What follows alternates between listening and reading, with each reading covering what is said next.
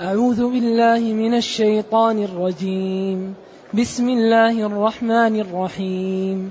لله ما في السماوات وما في الأرض وإن تبدوا ما في أنفسكم أو تخفوه يحاسبكم به الله. فيغفر لمن يشاء ويعذب من يشاء. والله على كل شيء قدير. الحمد لله الذي أرسل إلينا أفضل الرسل وأنزل إلينا أشمل كتاب وجعلنا خير أمة أخرجت للناس. فله الحمد وله الشكر على هذه النعم العظيمة والآلاء الجسيمة. والصلاة والسلام على خير خلق الله وعلى آله وأصحابه ومن اهتدى بهداه. أما بعد فإن الله تعالى يبين أنه لا منجاه إلا بالصدق.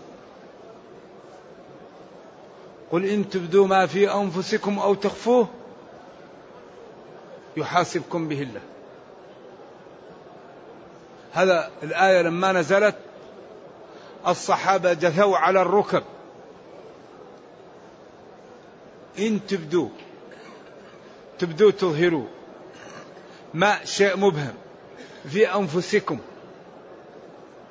تظهروه. إنسان في نفسه عطش.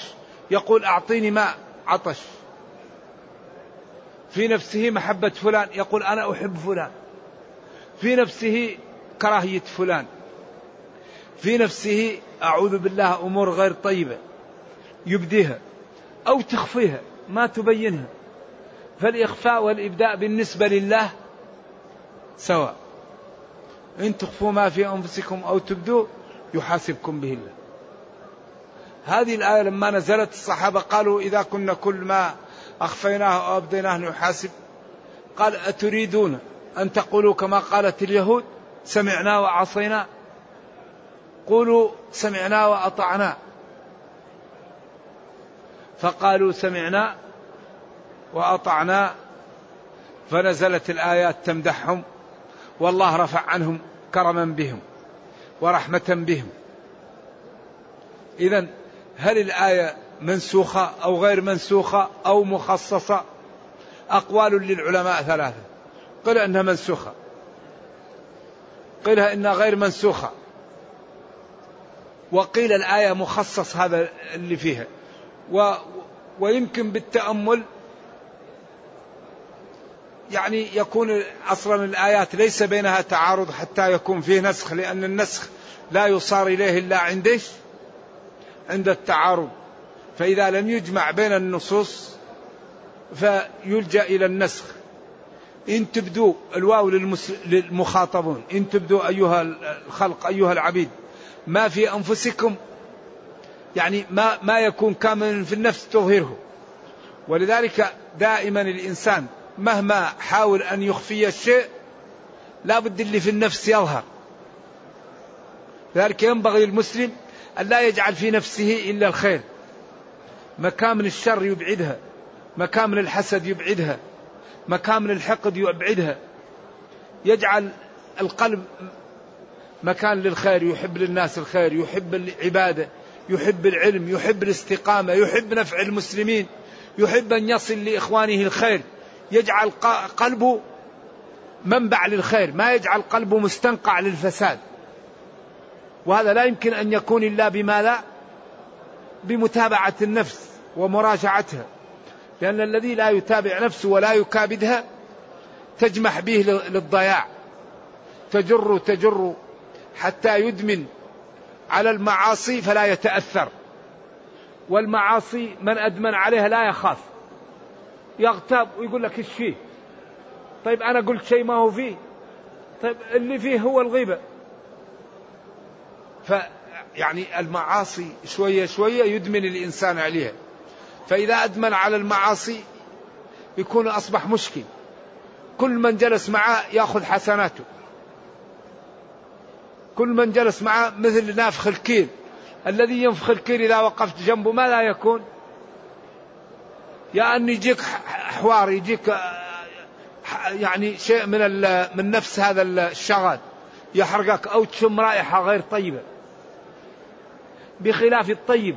الطيب إذا جلست معه تسمع كلمة طيبة تسمع نصيحة تسمع ذكر تسمع استغفار أو ترى سمتا طيبا يعني يقتدى به في شكله. لذلك شبه الطيب بماذا؟ ببائع الطيب. بائع الطيب لو تدخل عنده يا تشم رائحة طيبة يا تأخذ لك قليل طيب يعلق فيك. سبحان الله. هذا من من جوامع الكلم. أما الشخص الشراني مثل نافخ الكيل. يا تسمع كلمة غير طيبة يا تسمع شبة يا تسمع غيبة يا تسمع أو تحرق أنت. إذا لم تحرق تسمع الحراق تسمع أشياء لا ت... لذلك سبحان الله العظيم. إذا إن تبدوا تظهروا. ما في أنفسكم أو تخفوه. الله يحاسبكم عليه. قيل هذا المقصود به الكفار. وقيل هذه مخصصة بقوله لا يكلف الله نفسا إلا وسعها. إذا أبدينا أو أخفينا ما لا نستطيع لا نكلف به. و و و والهم لا لا لا يؤاخذ به. لكن العزم المصمم المصمم يؤاخذ به. إذا الإنسان هم بسيئة فلم يعملها لا تكتب عليه. هم بسيئة وتركها لله تكتب له حسنة.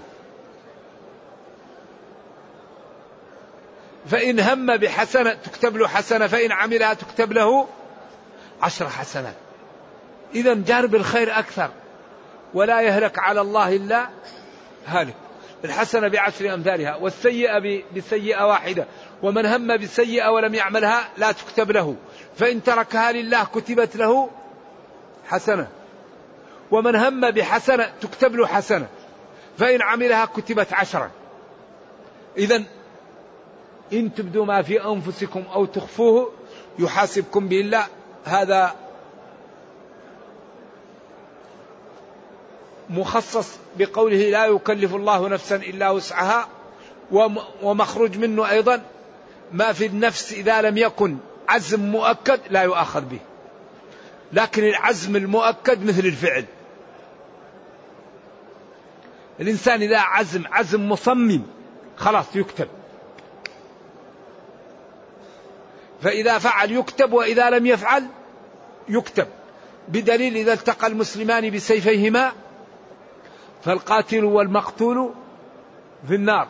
قالوا هذا القاتل فما بال المقتول؟ قال إنه كان حريصا. هنا العزم كان مصمم. فالعزم المصمم فعل. إذا إذا كان الإنسان ما عزم أو هم بالأمر أو لم يعزم عليه عزم لا يكتب له فإن عزم عليه مئة في المية ولم يمنعه إلا القدرة هذا الله المستعان يكتب ولذلك قالوا المال لأربعة. واحد أعطاه الله مال وأعطاه الفقه فأصبح يعمل في ماله بشرع الله. فهذا له أجر عظيم. واحد ما أعطاه الله مال ولكن أعطاه فقه. قال لو أن لي من المال مثل مال فلان لفعلت فعله. فهما في الأجر؟ سواء. واحد ما أعطاه الله فقه وأعطاه مال وهو يتخبط في مال الله. يرابي وبعدين ينفق على الميسر ينفق على الفساد. يساعد آه، الأمور التي لا يعني مسرف على نفسه. وواحد لم يعطيه الله مالا ولم يعطيه فقها. فقال لو أن لي مثل مال فلان لعملت مثل فعله فهما في الوزر سواء. إذا الأعمال أغلبها بالنيات. العمل قليل المهم النية تكون طيبة. ولذلك نية المؤمن خير من عمله ليبلوكم أيكم أحسن. ما هو لازم كثرة العمل؟ ولذا ينبغي للمسلم أن يحافظ على نوعية العمل. الصلاة ما هو لازم ألف صلاة ألف ركعة ولا مئة ركعة.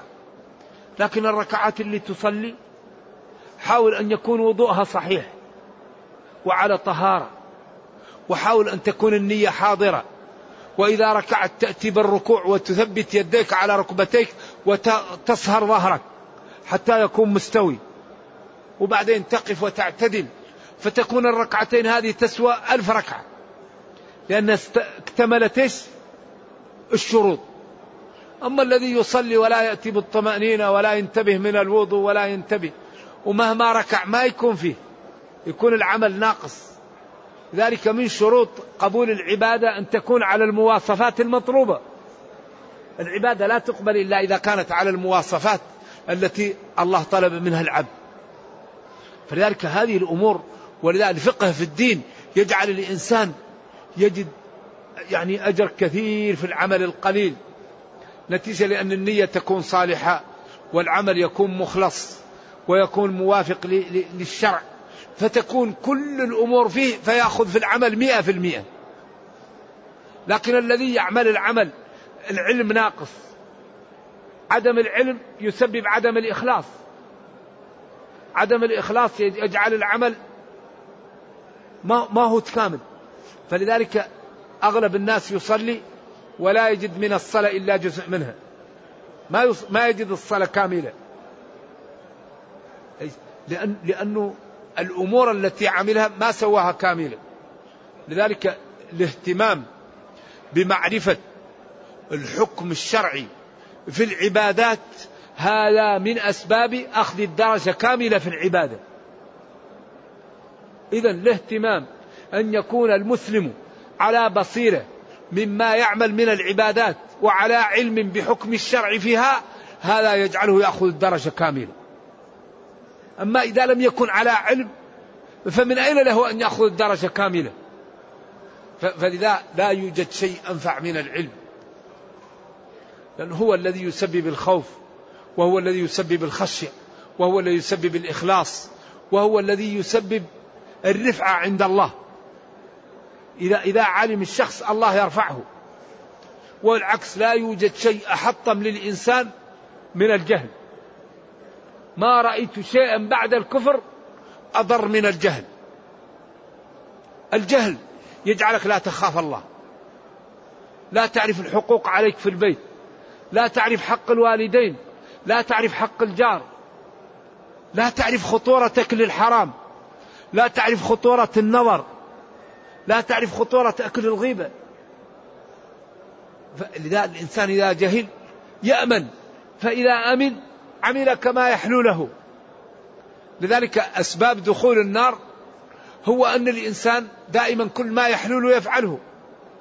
لم نكن من المصلين ولم نكن نطعم المسكين وكنا نخوض مع الخ... كل ما تكلموا نتكلم. اغتابوا نغتاب سبوا نسب شتموا نشتم أو وشوا نوشي نخوض مع الخائضين. وأكبر شيء وكنا نكذب. إذا هذه الأربعة هي أصول دخول جهنم. لذلك عكسها اللي يعلم عكسها يخاف. قد أفلح من؟ المؤمنون.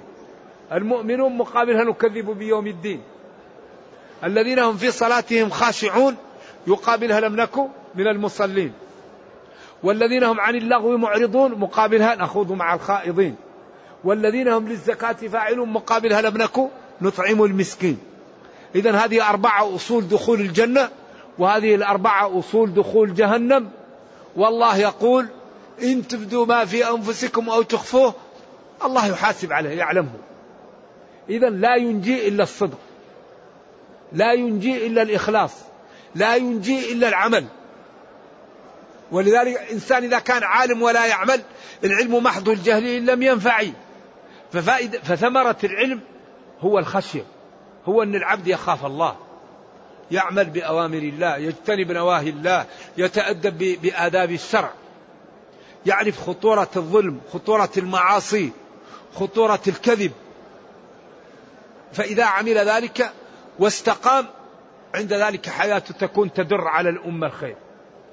كل ما تكلم يأتي بالخير وكل ما مشى يأتي بالخير و و و وسمت خير وفعل خير وحركة خير فيكون دائما يدر على الأمة ما لا؟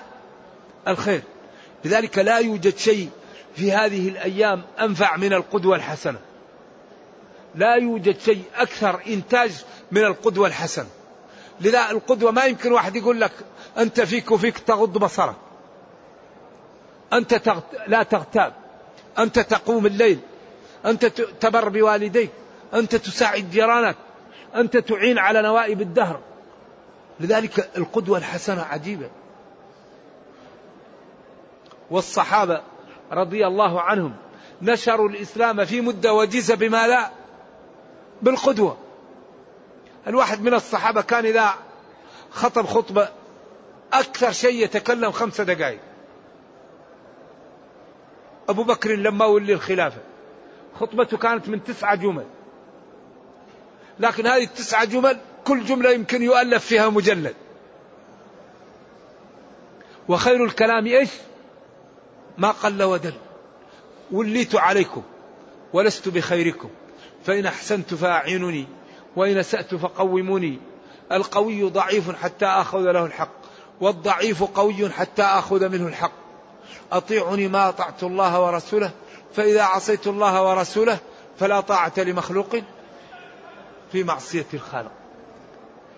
فيها النزاهة فيها العدالة فيها الإنصاف فيها الحزم فيها الرفق فيها الشورى فيها يعني كل أصول الإدارة وأصول الحكم في هذه الجمل التسعة بحيث كل جملة يمكن يؤلف فيها كتاب. لذلك الصحابة رضي الله عنهم نشروا الإسلام بالسلوك. في الليل رهبان وفي النهار فرسان والواحد منهم منيته أن ينال الشهادة. ولا تفرق بين الرئيس والمرؤوس. وإذا فتحوا بلدا وزعوا المال بين الفقراء. وكل بلد فتحوه يتسارع أهله في الدخول في الإسلام. ويقول ما رأينا مثل هؤلاء القوم. ولما استنجد ملك الفرس بملك الصين قال له أعطيني صفات هؤلاء القوم. فلما كتب له بصفاتهم قال له أعطيهم ما سألوك. هؤلاء لا طاقة لأحد من أهل الأرض بهم. ملك الصين يقول لملك الفرس أعطيهم ما سألوك. هؤلاء لا يمكن يقاومون. ولذلك نحن أكثر ما نقاوم به أن يدخل لنا المعاصي. أكبر معوق للمسلمين المعاصي. وأكبر قوة للمسلمين أن يستقيموا على الدين. فإذا استقمنا على الدين الله يوفقنا الله ينصرنا الله يساعدنا الله يخوف أعداءنا منا الله ينزل لنا الملائكة والرياح كما نزلها ليوم لأصحاب الخندق يوم الأحزاب. لما جاءت قريش وغطفان وهوازن والأحابيش وجاءوا من فوق المدينة ومن أسفلها حتى وصف الله الموقف وقال إذ جاءوكم من فوقكم ومن أسفل منكم وإزاغت الأبصار وبلغت القلوب الحناجر. هذا لشدة الخوف تعبير عن شدة الخوف. قاموا بالركن المادي حفروا الخندق وقاموا بالركن المعنوي. هذا ما وعدنا الله ورسوله وصدق الله ورسوله وما زادهم إلا إيمانا وتسليما. عند ذلك جاءت الملائكة وجاءت الرياح وأصبحوا كل ما وضعوا خيمة نسفتها الرياح وضعوا قدر نسفته الرياح عقلوا جمل نسفته الرياح. وجاءت الملائكة وبثت في قلوبهم الرعب وخرجوا مهزومين. وامتن الله على المسلمين وقال يا أيها الذين آمنوا اذكروا نعمة الله عليكم إذ جاءتكم جنود فأرسلنا عليهم ريحا وجنودا لم ترها. إذا الذي ينصر بالملائكة والرياح ينبغي أن تكون العلاقة معه على ما أراد. فنحن أهم شيء أن نهتم بالقدوة الحسنة. نهتم بالقدوة ونهتم بالعمل للدين ونهتم بالاستقامة. ولا نظن أن الدين بالكلام. الدين ربقة في عنق المسلم. ألف لام ميم. ألف لام ميم. أحسب الناس أن يتركوا أن يقولوا آمنا وهم لا يفتنون. ولقد فتنا الذين من قبلهم. فلا يعلمن الله الذين صدقوا ولا يعلمن الكاذبين. الإسلام ربقة في عنق المسلم. ينبغي أن يمتثل ويجتنب ويمشي على ضوء الدين فإذا فعل ذلك الله يحميه وينصره ويعزه في الدنيا ويدخله الجنة يوم القيامة. إذا المسلمون عندهم رصيد وهم في عري وجوع وعطش. ينبغي أن ينفقوا من هذا الرصيد اللي عندهم.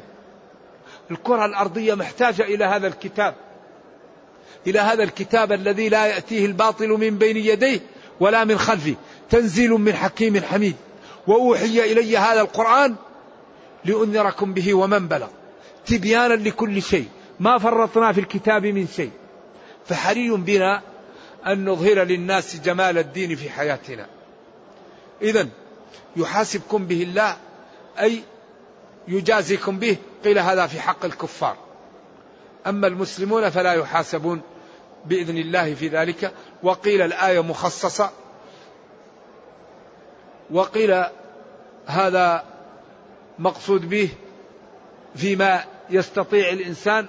أما الذي لا يستطيع لا يكلف به. لقوله لا يكلف الله نفسا إلا وسعها. فيغفر جل وعلا لمن يشاء أن يغفر له. ويعذب من يشاء أن يعذبه. وقد بينا أوصاف أهل الإيمان وأوصاف أهل النار. وكل شيء مبين. يعذب من يشاء عذابه ويغفر لمن يشاء الغفران له. وصفات من يغفر لهم؟ المؤمنون الذين يعملون الصالحات ويخافون الله وإذا فعلوا فاحشة أو ظلموا أنفسهم ذكروا الله فاستغفروا لذنوبهم ويتوبون من قريب قبل الغرغرة. وبين أنه يغفر الذنوب جميعا فهؤلاء هم الذين يتوب الله عليهم. أما الذين لا يتوبون ولا يبالون ولا يرون الدين صحيح ويغرقون في المعاصي حتى يموتون على الكفر وعلى المعاصي هؤلاء الذين يعذبهم الله. ولا يهلك على الله إلا هالك. إذا إن تبدوا ما في أنفسكم أو تخفوه يحاسبكم به الله فيغفر لمن يشاء الغفران له ويعذب من يشاء عذابه وقد بين ذلك. بين أنه يغفر الذنوب جميعا وبين أنه يغفر الصغائر باجتناب الكبائر وبين أنه يغفر كل الذنوب بالتوبة ولو الكفر. إذا كل الذنوب تغفر بالتوبة والصغائر تغفر باجتناب الكبائر وعمل الحسنات يقضي على السيئات. ولكن المشكلة الكبيرة إذا مات الإنسان على الكفر. هذه الكارثة. وأكبر مشكلة أن الإنسان لا يعلم السابقة. فينبغي يسدد ويقابل ويحافظ من الكلام السيء والنظر السيء والسماع السيء والفعل السيء. لأن الرجل لا يتكلم بالكلمة لا يتبين فيها. وفي بعض الروايات لا يلقي لا يلقي لها بالا. يهوي بها في النار أبعد ما بين السماء والأرض. وبعض الروايات سبعين خريفا. فينبغي للإنسان أن يحافظ. يحافظ على موارد العلم ويستعملها في شكر ربه. وجعل لكم السمع والأبصار والأفئدة لعلكم تشكرون. تنظر في المصحف. تسمع القرآن. تفكر كيف ننقذ مسلما. كيف نحفظ متون. كيف نؤلف كتاب. كيف نترك مشروع. كيف نترك لبصمات لديني ولأمتي قبل أن نموت؟ كيف أكون إنسانا محترما؟ كيف أنجو يوم القيامة من النار ومن عذاب القبر؟ إذا وجعل لكم السمع والأبصار والأفئدة لعلكم تشكرون. موارد العلم لشكر الله. ما هو أن تنظر في الحرام أو أن تسمع حرام أو أن تفكر في الحرام؟ لا. هذه الموارد أعطيت لشكر الله. إذا يحاسبكم به الله فيغفر جل وعلا لمن يشاء أن يغفر له ويعذب من يشاء أن يعذبه. والله لا يسأل عما يفعل. ولذلك أخوف ما يخاف منه المسلم السابقة. ما الذي كتب لك في اللوح المحفوظ؟ هذا لا يعلمه إلا الله. ولذلك قال يكتب شقي أو سعيد. هذا شيء عند الله. ولما استشكل الصحابة لما نزلت آية الحديد ما أصاب من مصيبة في الأرض ولا في أنفسكم إلا في كتاب من قبل أن نبرأها إن ذلك على الله. ثم قال لكي لا تأسوا ولا تفرحوا جفت الأقلام وطويت. قالوا ففيما العمل يا رسول الله؟ قال اعملوا اعملوا. فكل ميسر اعملوا. ما في واحد يعرف سابقته ويقول أنا كتب لي عيال أنه من أهل الجنة فما لي شغل أو هو من أهل النار ما لي شغل. اعملوا. ولذلك الله لا يدخل النار أحدا إلا بعد أن تقوم الحجة عليه. ما يمكن واحد يدخل النار إلا بعد أن تقوم الحجة. رسلا مبشرين ومنذرين لأن لا يكون للناس على الله حجة بعد الرسل. قال وما كنا معذبين حتى نبعث رسولا. وقال في حق أهل النار كلما ألقي وكلما تقتضي التكرار كلما ألقي فيها فوج سألهم خزنتها ألم يأتكم نذير؟ قالوا بلى قد جاءنا نذير. هنا محل إضمار أظهر لأن دخول النار أمر خطير جدا. ما قال؟ قالوا بلى قد جاءتنا. لأنه تقدم ألم يأتكم نذير؟ قالوا بلى جاءنا لكن قالوا بلى قد جاءنا نذير فكذبنا. فالسابقة لا يعلمها أحد حتى يقول أنا لا أعمل. فكل واحد ما عمل هو ترك ذلك باختياره. ولذا لا يعلم العاقبة حتى يقول أنا علمت أني من أهل النار فلا يمكن أعمل. هذا لا يعلمه إلا الله. ولذلك قال ألم نجعل له عينين ولسانا وهديناه فمن يعمل مثقال ذرة خيرا يره ومن يعمل مثقال ذرة شرا يره. ما لهذا الكتاب لا يغادر صغيرة ولا كبيرة؟ لا والله لا عذر بعد هذا. أي عذر بعد هذا؟ أي أي دليل يريد الإنسان بعد هذا؟ فينبغي أن نبادر. نبادر بالتوبة نبادر بالعمل نبادر بالحسنات نبادر بالإنتاج قبل أن يفوت الأوان.